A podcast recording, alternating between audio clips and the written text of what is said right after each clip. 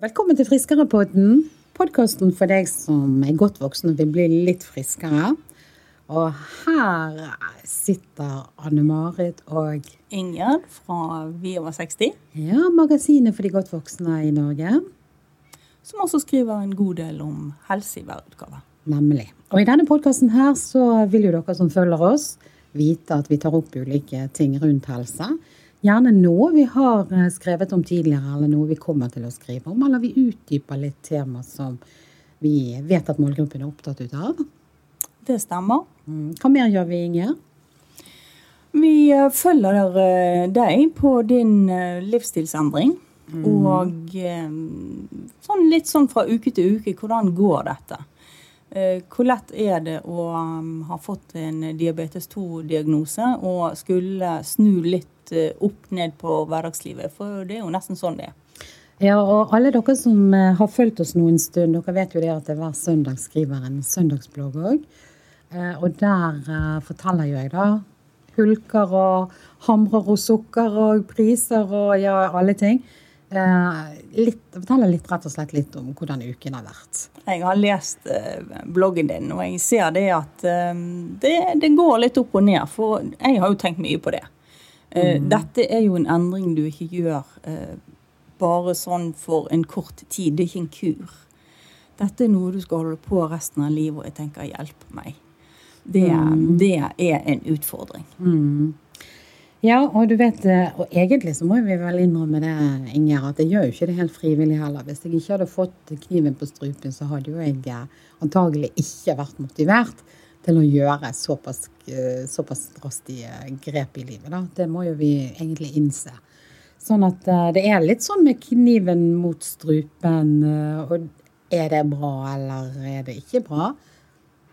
Det er vel i alle fall en form for motivasjon, men så er det jo noen, som sier også at det å ha eh, kniven på strupen og være litt redd for følgesykdommer og sånne ting som eh, du er blitt advart mot, det, det kan også være litt stikk motsatt.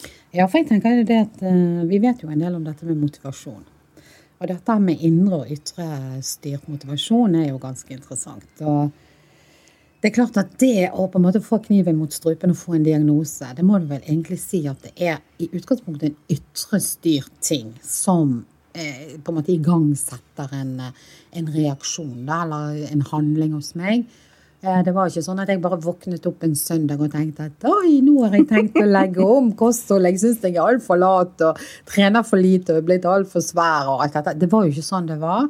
Det var jo denne telefonen fra legen. sant? Sånn at jeg tenker det at det, det er faktisk en utfordring i seg sjøl på sikt, dette her med altså ha fokuset på forskjell på dette med ytre og indre styrt. For det begynte kanskje som en ytrestyrt uh, motivasjon da, eh, for meg. Men jeg tror hvis jeg skal klare å holde det gående og gående og gående, og gående, så du sier dag ut og uke ut og måned og år, så må det etter hvert bli veldig mye mer indrestyrt, ikke sant? Ja, hvordan skal du klare den overgangen? For, for jeg tror du har helt rett i det du sier. At um, når du får en sånn beskjed fra legen, så er det noe du må forholde deg til, ikke noe du har valgt sjøl. Um, og hvordan får du til den overgangen til å ta det inn i deg, og til det blir en indre motivasjon? Når det i utgangspunktet er noe du ikke har det så veldig lyst til å gjøre. Og vet du hva, altså nå, nå har jo jeg holdt på i tre måneder, og det er akkurat dette her jeg faktisk kjenner at jeg sliter litt med. At uh, jeg må få til den overgangen fra at ikke dette her er noe jeg må gjøre, men at dette er noe jeg vil gjøre. Av de rette grunnene. Um, og uh, kanskje jeg trenger hjelp av en coach underveis, eller kanskje jeg trenger å snakke litt mer med lege Sofie Hekseberg om dette her, eller fastlegen min. fordi at eh, du ser jo eh, det at i den siste søndagsbloggen som jeg skrev nå etter påske, eh, så ga jeg vel egentlig litt sånn uttrykk for at det er ikke bare lykkestunder, eh, selv om man føler stor mestring òg i å være på en sånn reise. Men det syns jeg er så fint at du skriver sånne blogginnlegg også. At du virkelig er ærlig på hvor tøft det kan være. For det er jo Altså Du opplever jo, sånn som jeg leser det, at uh, omgivelsene er ikke alltid så støttende som du skulle ønske. Nei, altså det er gjerne litt sånn dobbelt. sant? Altså På den ene siden så er det sånn at uh, folk heier på deg. Uh, og sier 'ja, 'så flink du er', og de er begeistret, og de sier de blir motivert og inspirert og sånn. Og, og så tenker jeg det at Jeg vet jo ikke hva sånn ektefølt det egentlig Om det er mer sånn ja, men det, altså det er veldig hyggelige mm. komplimenter og tilbakemeldinger å få. Eh, men samtidig så kan gjerne de samme menneskene glemme seg, eller bare i en annen situasjon eh, undergrave litt det, den reisen du er på, ved å nær sagt eh, tilby deg type mat som du absolutt vet at ikke du skal spise, eller utfordre deg rett og slett på virker dette her en ting er at de kan se at du går ned noen kilo. og sånt. Det er på en måte det eneste sånn i den ytre verden folk kan se. Eh, men det er jo én greie. Men, men, ellers er jo det ingen som kan Eller de kan si at du har fått penere hud, eller at du mm. ser freshere ut og sånt. Men for all del kan jo man gjøre òg uh, eh, av andre grunner, ikke sant. Så ja, det er ikke altså, Men jeg tror det er litt vanskelig rett og slett for folk helt å vite sånn Du holder på, du holder på, du holder på. Så tenker kanskje de fleste Når stopper dette prosjektet?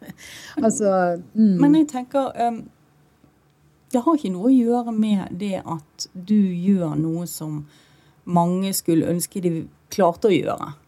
Eh, men nettopp fordi det er så vanskelig at det legger en, en form for en blanding av beundring og misunnelse, hvis du skjønner hva jeg mener? Ja, og jeg har jo skrevet litt om det i eh, det siste blogginnlegget mitt. Kanskje du vil at jeg skal skal Les litt av det. For de som ikke har, har lest på, på bloggen din. Ja, jeg skriver liksom tre måneder med selvdisiplin. Lei den flinke piken. Det er min overskrift. Kjære ukebloggen min. Denne tolvte uken på min Jeg endrer livsstilreise har jeg en bekjentgjørelse å komme med. Jeg merker at jeg er litt lei av å være flink pike. Den som fikser denne kost- og livsstilsomleggingen så bra. Den som står på med ukuelig viljestyrke. Den som får gode resultater. Jeg orker orket, altså Den som står på med ukuelig viljestyrke. Altså, jeg orket ikke å skrive bloggen i påsken, jeg faktisk. Fordi jeg følte meg så tom og svak. Som om jeg bevegde meg fra en høydetopp og ned i et mørkere hull. Det er sikkert naturlige svingninger. Men jeg kjente litt på dette her nok-punktet. Dette gidder jeg ikke mer-punktet. Dette mørke stedet inni meg som ropte. Hvorfor skal du være så fordømt flink hele tiden, Anne Marit?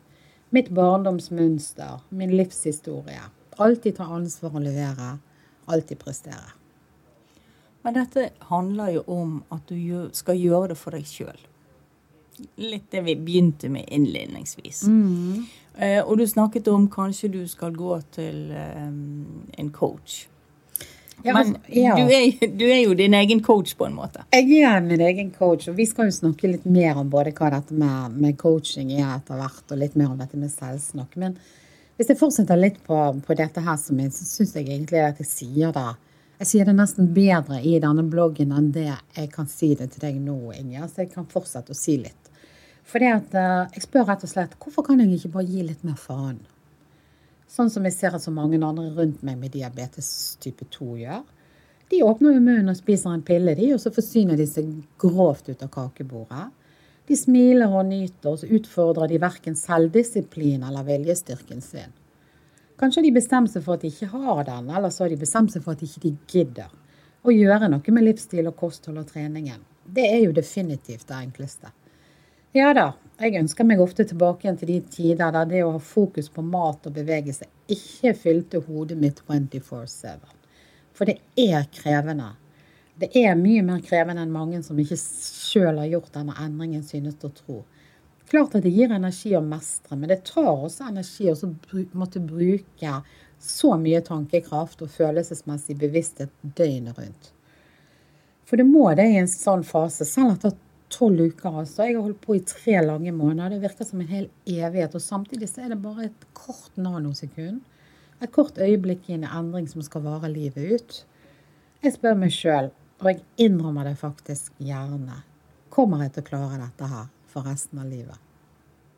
Hva tenker du om det akkurat nå når du sitter her? Når, når eh, dette går på luften, så det har gått enda noen uker. Kommer du til å klare det?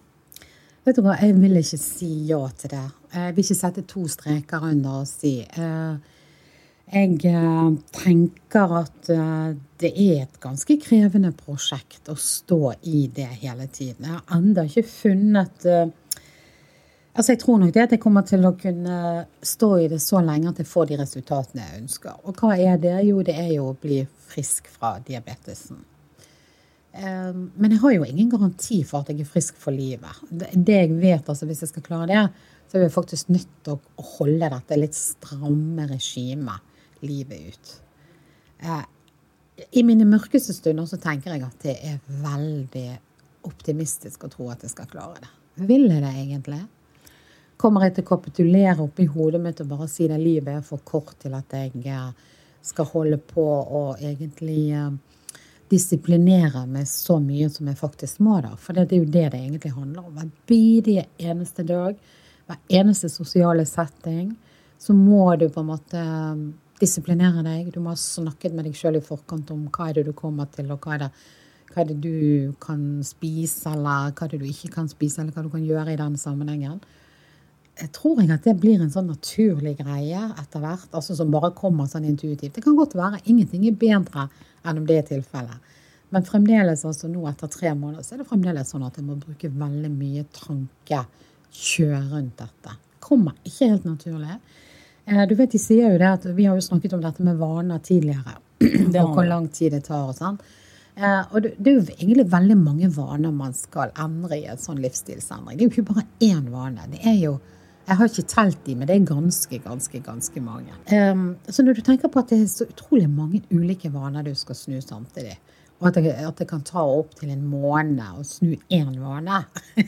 så det er kanskje optimistisk å tenke at man skal ha klart å snu så mange vaner som en total livsstilsomlegging er, bare i løpet av tre måneder. Så jeg er nok nødt til å være mye mer tålmodig. Og så håper jeg at det er så viselig anlagt, både kroppen og hodet og alt, at det, det, det føles mer naturlig etter hvert. Kanskje når jeg har gått på dette et år, at det er blitt en del av meg. Akkurat nå så er det ikke en del av meg. Det er noe som jeg vil skal bli en del av meg, som jeg har fokus på eh, skal bli det. Men det er ikke sånn naturlig at det skjer. Det eneste som jeg syns er naturlig, det er at eh, handlemønsteret mitt er blitt annerledes. Altså hva jeg skal putte i handlekorgen. Det, det, det er en vane ja. som, eh, som, som, har endret seg. Eh, men eh, eh, det er veldig mange andre ting som på en måte ikke faller sånn supernaturlig fremdeles. Men du nevnte sosiale settinger, og vi er i mai måned med eh, kakemåneden, kan vi nesten kalle det. Mm. Vi har 17. mai, vi har konfirmasjoner, eh, gjerne fødselsdager. Mm. Ja, og det, det, har jo eh, nettopp vært påske òg, for ikke så lenge siden. Det var en sein påske. Eh, og jeg skriver jo faktisk litt om det, jeg må egentlig bare sitere litt det. For det, ehm, det skriver, er jo det at påsketiden den var jo litt mer masete enn jeg ønsket meg. Mye besøk og sosiale sammenkomster betyr mye mat og kos og vin og annet på bordet. Alle tar hensyn. Ja da, vi lager middag som mamma og kjæresten og datteren også kan spise. Altså meg, som jeg tåler. Men like fullt så er jo hjernen min på fra morgen til kveld med mye selvsnakk om hva, for det første, hva som skal på bordet. Eh, og så ikke minst når det kom på bordet, hva er det faktisk av dette jeg kan spise, og hva er det jeg tåler. Eh, og eh, jeg vet det at jeg høres selvmedlidende ut nå. Jeg, jeg gjør meg sjøl til et litt offer. Men jeg vet jo hva, av og til så blir jeg så utrolig lei av å være så politisk korrekt hele tiden. Eh, og det er vel det eh, når vi var i påsken, så er det store påskeegg ikke sant, med masse snop og godt inni. Og som jeg skriver, påskeeggene hos oss var like store og deilige som jeg kan huske de, med masse smågodt og marsipan inni. Jeg rørte ikke en eneste rød geléfisk engang. Eh, ikke en sjokoladefigur. Jeg koste meg med hjemmelaget snop laget av min skjønne datter Renate. Og det var marsipan uten sukker, kokosboller med rå sjokolade og gelétopper. Men det var ikke griser og harer. Det var ikke hvit melkesjokolade og saltchips fra skåla. Det var noe helt annet. Noe spesiallaget til meg. Det var godt, men det var liksom ikke the real thing. Altså fra snopekiosken i butikken. Der har du det. Ja, Du, Du, du, lengter fremdeles litt etter uh, de gamle vanene, de gamle tingene. Ja, det kjente jeg veldig godt i påsken, og det tror jeg at jeg kommer til å kjenne veldig godt nå i, eh, i mai òg. For uh, jeg har jo òg vært i en konfirmasjon nå. Uh, og det er klart at uh, det er i sånne settinger du virkelig kjenner litt på den annerledesheten. Mm. det at alle andre, i hvert fall sånn tilsynelatende virker det sånn, kan bare kose seg og smake på bordets gleder og alt dette. Men jeg kan ikke. Og så er jo det sånn at jeg må jo liksom minne meg på at eh, jeg har jo valgt dette sjøl. Altså, jeg har jo ikke valgt å få diabetes 2. Eh, men eh, jeg har valgt å medisinere meg med å gjøre en, en livsstilsendring. Um, og jeg vet jo det eller sånn langt bak i hodet at hvis jeg ikke lykkes med dette prosjektet fullt og helt, så er jeg jo nødt til å ta medisin for det. Og det kommer jeg til å gjøre. Jeg ønsker jo å, å beholde helsen lengst mulig. Men, uh, men, jeg tenker jo det at jeg må liksom sånn når jeg står der med kakebordet og bare ser at der er rett og slett ingenting der jeg kan spise. Uh, det jeg gjorde nå når det var konfirmasjon, det var jeg så at uh, hun ene som holdt på på kjøkkenet, holdt på med noe bær som skulle legges på en pavlova. Det er jo denne deilige kaken som alle elsker. Og så spurte jeg bare kan du bare hive vekk noen ut av disse bærene, hive de oppi en skål. Eh, og hive en dash med krem på, sånn at jeg kunne få liksom fornemmelsen ut av å ha noe dessert og noe kake. Så sånn ble det. Bær og krem er jo også godt. Veldig deilig. Eh, det er bare annerledes. sant? Du tar ikke den hvite konfirmasjonskaken, altså hvite damen, du tar ikke kransekake, du tar ikke pavlova. Altså, det, det er jeg må jobbe med hodet mitt her. Med å hele tiden si Hjelme, ha fokus på det du kan spise. Og vet du hva gjør? I 90% av tilfellene syns jeg at jeg er veldig flink. Og så er det de der 10 der jeg bare kjenner Herregud, jeg har bare så lyst til å gi F. Og så um, Og da er vi inne på noe som jeg er litt sånn inne på i denne Ehm, for det er mye sånn mentale og psykiske prosesser. Sant? Og som jeg er inne på nå når jeg skrev den bloggen om dette med flink pike. Det faller meg litt sånn tung for brystet å være det. Ja, men det bringer meg i huet. Jeg intervjuet en eh, klok mann, eh, professor Jon Haug, som har skrevet mye om Mest med fokus på diabetes 1, fordi at den diagnosen får folk tidlig om å leve med et langt liv. Mm. Men dette med at du av og til skal slippe litt opp. Mm. Um, og ikke ha et så veldig strengt regime hele tiden. Så de, de, de 10 prosentene du snakker om, kanskje du skal la deg få lov til å ha det spillerommet uten at du sitter med noen form for dårlig samvittighet eller uh, mm føler at, at, at du eh, svikter deg sjøl på en måte. Men der er jeg ikke ennå. For det er det jeg tenker, og det, det, er på en måte litt sånn klok av skade, så er det sånn at uh, det jeg er redd for, det er rett og slett å miste grepet. Så hvis du mm. slipper opp, så er du på en måte Der slipper du opp. Det er liksom sånn fullt, fullt og helt eller stykkevis og delt. Det fungerer ikke her. Det må være sånn fullt og helt. Uh, og jeg tror jeg er for tidlig i prosessen til å kunne slippe opp. Det er mm. veldig lett for at jeg glir ut.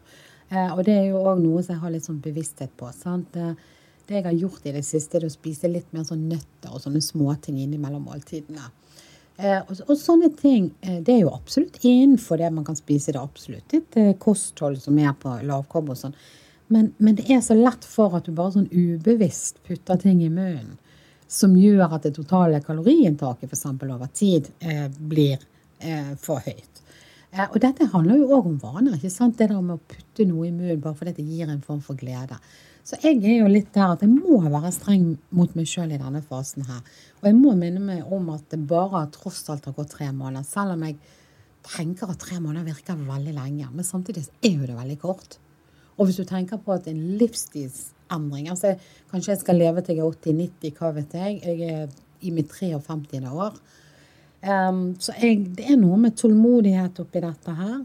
Jeg tror og mener jeg har lest òg at uh, man skal kanskje holde på nesten et år før du har etablert et nytt uh, ja, en, en, ny, en, ny, livsstil. Og da har jo jeg fremdeles uh, tre fjerdedeler igjen. jeg er ikke i nærheten, altså. Så, så, så, det er noe med at det er for tidlig å være rastløs. Men jeg syns samtidig at det er viktig å skrive om det og snakke om at det er ikke bare en enkel reise. Eh, det er noen mørke ting som foregår litt oppi hodet. Og ikke glem det at eh, du gjør jo en livsstilsendring, i hvert fall mange av oss gjør det parallelt med at livet er sant videre. Altså jobblivet f.eks. skal eh, gå, gå noe sånn som før. Eh, det kan være mange stressting i hverdagen der du tidligere brukte mat som en stressdemper. Det har meg og deg snakket om i en tidligere mm, pod. Og det kjenner jeg litt på nå. at Hva er stresstemperen min nå? Mm. Det er ikke det samme å sitte og kose seg med brokkoli som å, å, å, å kjøpe og sitte der med en boble Pepsi Max og en pose med saltchips. Det er ikke det samme. Altså, Vi kan godt prøve å lure oss sjøl til å tro det. Ah, deilig brokkolitopper. Men det er ikke det samme. Eh, så jeg liksom sier til meg selv, hva er det jeg nå faktisk bruker? Eh, og jeg har en kollega, eh, vi har en kollega som, der, som diskuterer litt, som går på samme, samme kostholdet, som sier det at hun merker at stemningsleiet sånn generelt, hennes stemningsleie, er sånn på et hakk lavere. Og så, og så funderte vi litt på dette sammen, og tenker at det er kanskje ikke så rart. For det, du vet når du driver og pøser i deg sukker, så får jo du altså Vi vet jo det at det er en slags sånn lykkepille. sant? Det, sånn, det gir en boost til endrofin og dette. her. Det er jo derfor vi liker å spise det. Um, og blodsukkeret fyker til været, og du bare kjenner at yes! Sånn in a moment for relativt kort tid, ja. men du, du, blir veldig glad ut av det. Før du blir trøtt og mm. sliten og alt dette etterpå. Men du får denne der. Å, deilig. Og hvis du er veldig stresset, og alt dette her, så er det mange som bruker sånn lettvinte karbohydrater akkurat til det. Når du nå spiser et kosthold der du blodsukkeret er mest på det jevne, så er jo det på en måte litt sånn at humøret ditt òg er litt mer på det jevne. Det er jo egentlig bra, for du, du slipper jo de dype daler, kanskje. Men, men du mister òg litt ut av toppene. Og toppene er jo av og til gode å ha, for da kjenner du på en sånn pur glede. Sant? Bare med å åpne der store godteposen som du kjøpte på vei hjem en dag du var dørgsliten, og det regnet i Bergen, eh, og du bare hadde behov for å se en Netflix-film med den godteposen. Det mangler du nå. For det, jeg bare sier det til alle dere som hører, min erfaring i hvert fall. Brokkolitopper funker ikke på samme måte. Jeg vet det er bra for hjernen, men så, så, er, så, jeg har reflektert mye rundt dette med de mentale og psykologiske prosessene som jeg syns det det blir eh, For når du starter med noe, så begynner du litt sånn eplekjekt, og du, du har veldig sånn motivasjon når du starter. Eh, og da har du en sånn ekstra gir på en måte fordi at du starter. Men så skal du holde ut og holde ut og holde ut og holde ut. Og det er jo der jeg tenker utfordringen ligger. Og når du kommer til det, sant? nå er du liksom sånn på måned tre, og så blir det fire og fem og seks og alt dette. Hva er det da som skal hjelpe deg i å holde ut? Det blir litt tyngre mentale prosesser. Jeg kjenner det at det å ha en del mentale verktøy nå fremover, psykologiske verktøy, det blir viktig. Enda viktigere enn det var i begynnelsen. Det er akkurat som i begynnelsen, der var det én type mentale verktøy du trengte. For da, da, skjer det så mye endringer så fort. Sant? Da skal du fikse. Nytt, og ja. Du får gjerne resultater. Det flater gjerne litt ut etter en stund. Absolutt. Jeg er sikker på at det kommer på sånne her Altså, du får ikke, du får ikke vektresultatene heller som er positive, for det, kroppen jobber jo mot. Sant? Du kommer på platåer og alt dette. Sånn at det er noe med de mentale og følelsesmessige psykologiske prosessene nå som jeg tror blir enda mer krevende i de, de neste tre månedene jeg går inn i. Uh, og derfor så skal jo vi i neste episode Inge, vi skal jo snakke litt om dette med når det gjelder min endring, men som òg er veldig veldig nyttig for alle dere som hører.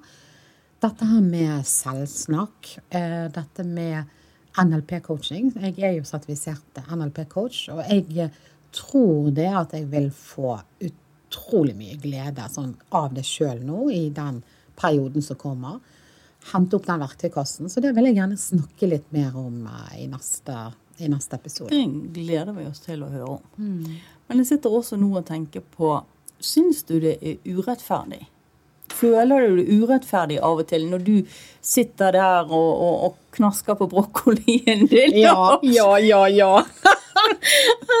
ja, jeg vet jo hva. Det er en sånn eh, barnslig, umoden følelse ut av urettferdighet. Det er sånn eller jeg kan bare liksom sitte og tenke Hvorfor uh, må jeg sitte og knaske på dette mm. mens alle andre kan liksom gå og kose seg? Og så kan du si det, alle andre går jo ikke og koser seg. Men, men uh, det som jeg kanskje altså som jeg har merka med meg sjøl at jeg reagerer litt på, det er den forskjelligheten vi står i det å få diagnoser. At der jeg igjen blir veldig sånn ansvarlig og flink pike. Dette skal jeg fikse sjøl. Og koste hva det koste vil. Man legger liksom alle kluter til og bare trår på. Eh, mens jeg ser andre til syne veldig oppegående og lykkelige mennesker med den samme diagnosen spise en pille og kose seg med livet. Og så tenker jeg hmm, Er det meg som velger feil strategi her? Uh, akkurat der virker det. Kan, kan jeg liksom få sånn Hvis jeg skal virkelig dille litt med denne der selvmedlidenhetsgreien, så kan jeg si at jeg syns kanskje det at eh, jeg forsaker en del, da. Og i hvert fall hvis jeg skal være i en sånn altså, Dette er jo ikke bare et prosjekt for liksom noen måneder der du tenker at gud, jeg kan forsake de der kakene i disse tre månedene. Men kan jeg forsake de de mm. neste 30 årene? Mm. Det er jo det perspektivet. Um, og um, så jeg eh, tror det at det å dvele litt ved, som jeg da hadde veldig god anledning til uh, innimellom slagene i påsken uh, Og jeg har gode venninner som òg er på en sånn litt sånn livsstilsendringsreise. Sånn er det gjerne du er blitt 50, og du, du skjønner liksom at du begynner å knirke litt på det her og der. Så vi har diskutert og reflektert liksom rundt dette her med eh, flink pike-syndromet. Som jeg egentlig òg har skrevet en del om. Jeg har skrevet om det i Vi over 60 mange ganger. Jeg hater jo, jeg syns egentlig ikke det er et positivt ord. Jeg hater det. Av den grunn at folk kan si 'Å, du er så flink'. Det er så grådig mange som sier til meg at jeg er flink. Da. Det er det, ja. Mm.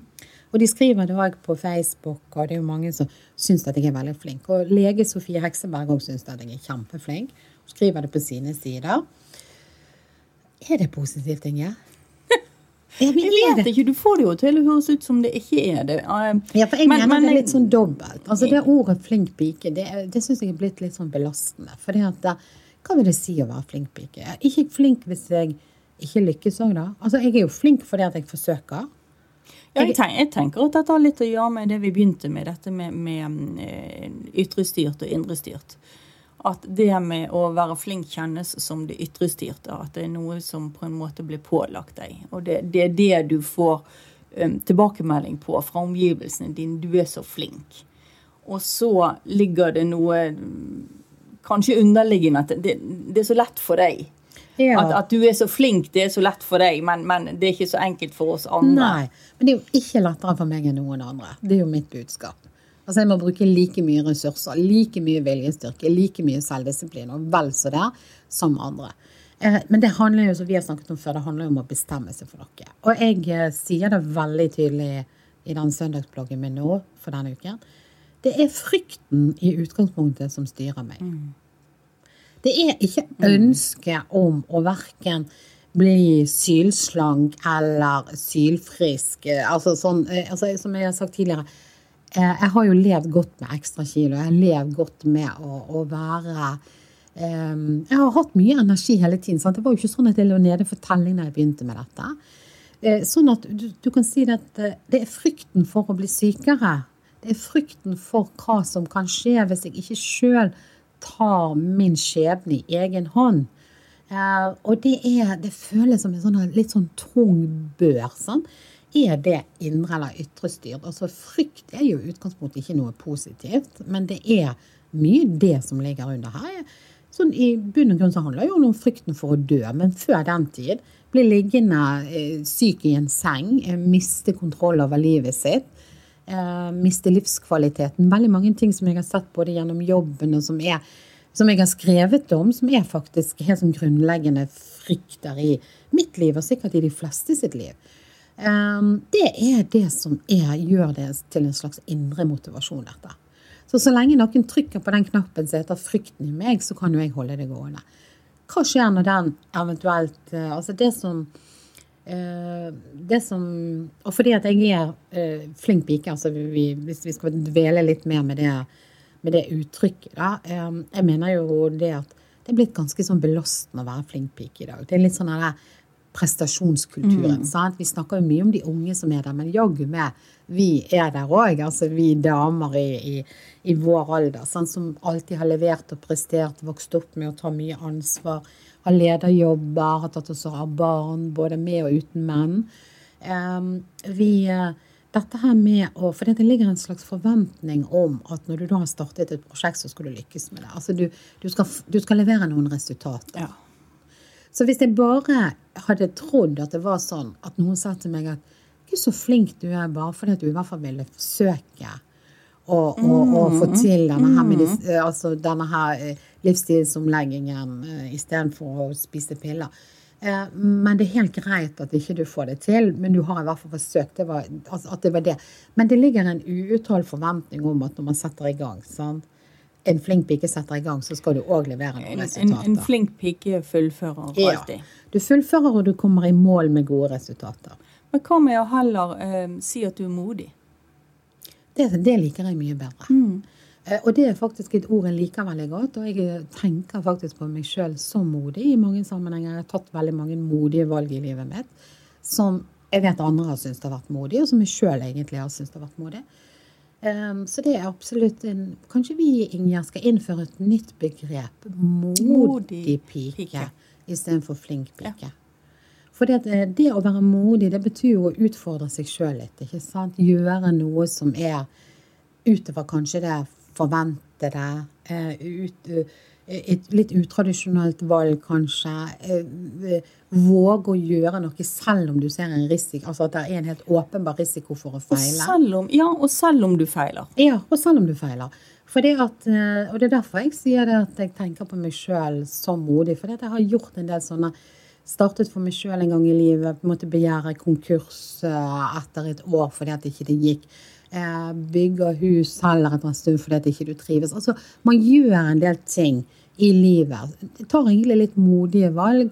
Eh, finner ut at av ulike grunner at ikke det går. Og så ligger man egentlig litt sånn nede en periode, men du bare tenker at Pitt, eh, du børster det av deg og reiser deg igjen. og på en måte det, det, fører ikke til at ikke du tør neste gang, for å si det sånn. Selvfølgelig har du lært noe, men, men, men du er det, er, det, blir på en måte en, litt av livsveien din. Sant? Altså at du, du våger mm. å, å, å, gjøre valg som innebærer at du kan feile. Og når du feiler, så tenker ikke du at det, eh, at det definerer deg som person. Du tenker egentlig Jeg var i hvert fall modig som vågde. Den som ikke tør, den, den på en måte vinner ingenting. Jeg prøvde. Ja, jeg prøvde. Og så får nå heller resultatet bli som det blir. Og det er kanskje litt sånn jeg tenkte når jeg startet dette prosjektet her òg. At jeg skal jo dokumentere og se om det virker. Jeg tenker at vi skal innføre et begrep som heter eh, modig og moden. Ja, hva mener du med det? Med det mener jeg at eh, ofte så får du større mot eh, med årene. Eh, du har et langt liv bak deg. Eh, du Eh, har erfart at det er ikke så farlig eh, om du ikke får til alt. Om ikke alt er perfekt. Så, så um, spiller ikke det så veldig stor rolle som du trodde før. Mm. Eh, så du får en litt større selvsikkerhet. Ja. Så, så moden og modig pike ja. istedenfor flink pike. Ja. Da er vi enige om det, da, Inger? Det er vi. OK, cool!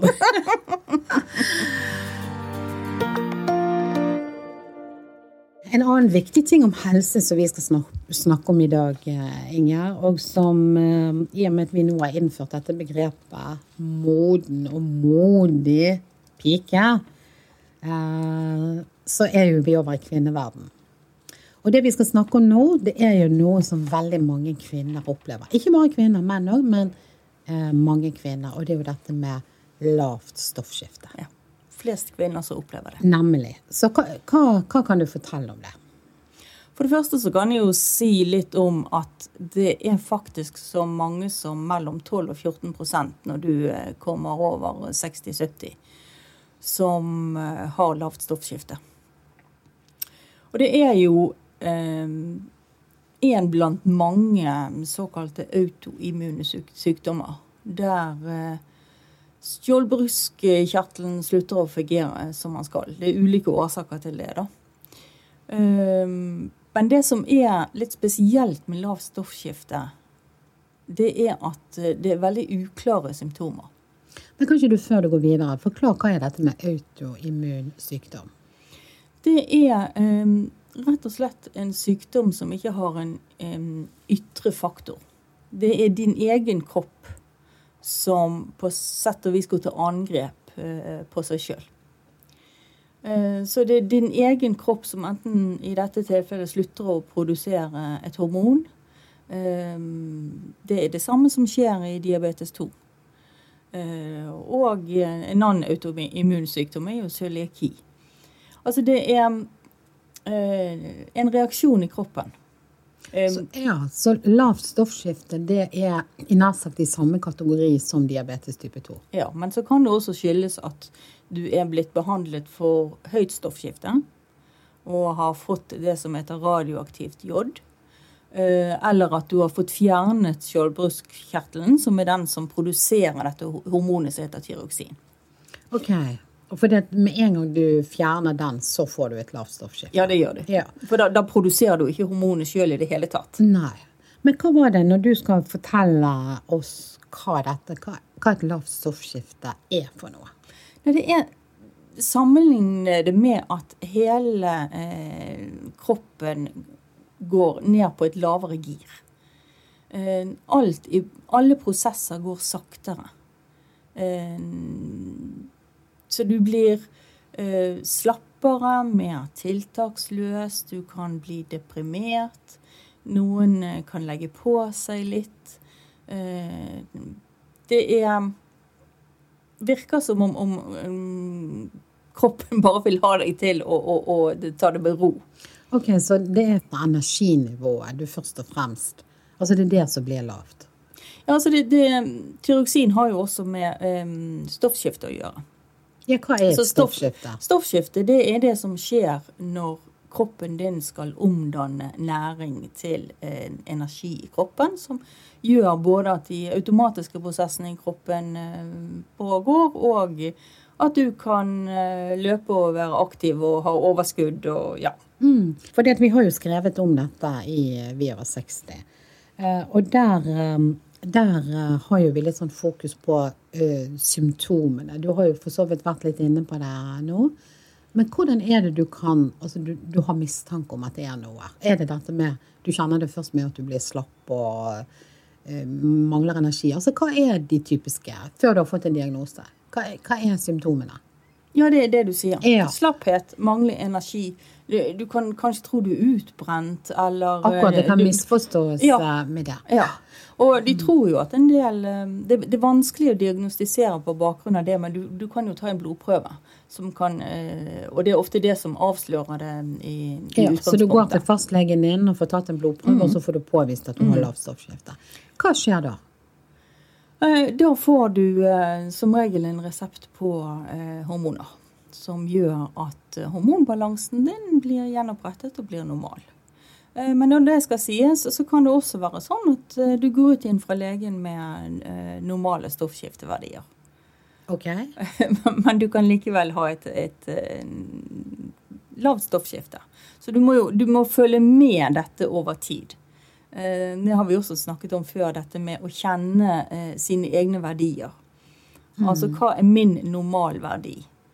Sånn at da eh, kan det lønne seg å, å, få en oppfølging etter noen måneder med en ny prøve for å se hvordan ligger nivået an. Litt sånn som du gjør nå hos legen hver tredje måned med blodsukkeret ditt. Ja, for det, eh, du kjenner at det er noe med kroppen din, men det kan ikke påvises i den blodprøven på det tidspunktet du er hos fastlegen. Mm. Eh, og så må det sammenlignes med på et senere tidspunkt, ja. og så ser man dette over noe tid. For å se en utvikling. Ja, for å se en utvikling. Mm. Eh, fordi at um, et ubehandlet uh, lavt stoffskifte over tid er jo ikke heldig. Har kroppen først begynt å vende seg mot deg, så Så derfor gjelder det å spille med kroppen, rett og slett, det er det du sier? Ja. ja. Stoppe, en, stoppe, en, dårlig utvikling, ja. som vi har snakket om tidligere. Hva er det Kan man bli uh, totalt helbredet fra lavt? Altså Du sier at man tilfører det, altså man tar medisin som er hormon, mm. og så man, blir man frisk? Det blir man. Ja. Det er en, hvis du da har en flink lege som følger godt opp, og, og sånn at du får, eh, finner denne balansen, uh, så blir du helt Ja, for det er rett og slett en ubalanse i hormonsystemet ditt. Ja. Din, så, som, som relativt kropp, lett uh, kan korrigeres altså ved ja. riktig medisin. Ja. Kan du gjøre noe selv da for å gjøre, hvis ikke du vil ta medisin? Altså, der, der er jo testet om kostholdet kan ha noe å si. Kostholdet spiller jo en rolle på veldig mange områder. Og det er ikke bevist, men det er noen teorier på at kan, kan for høyt inntak av gluten ha noe å si.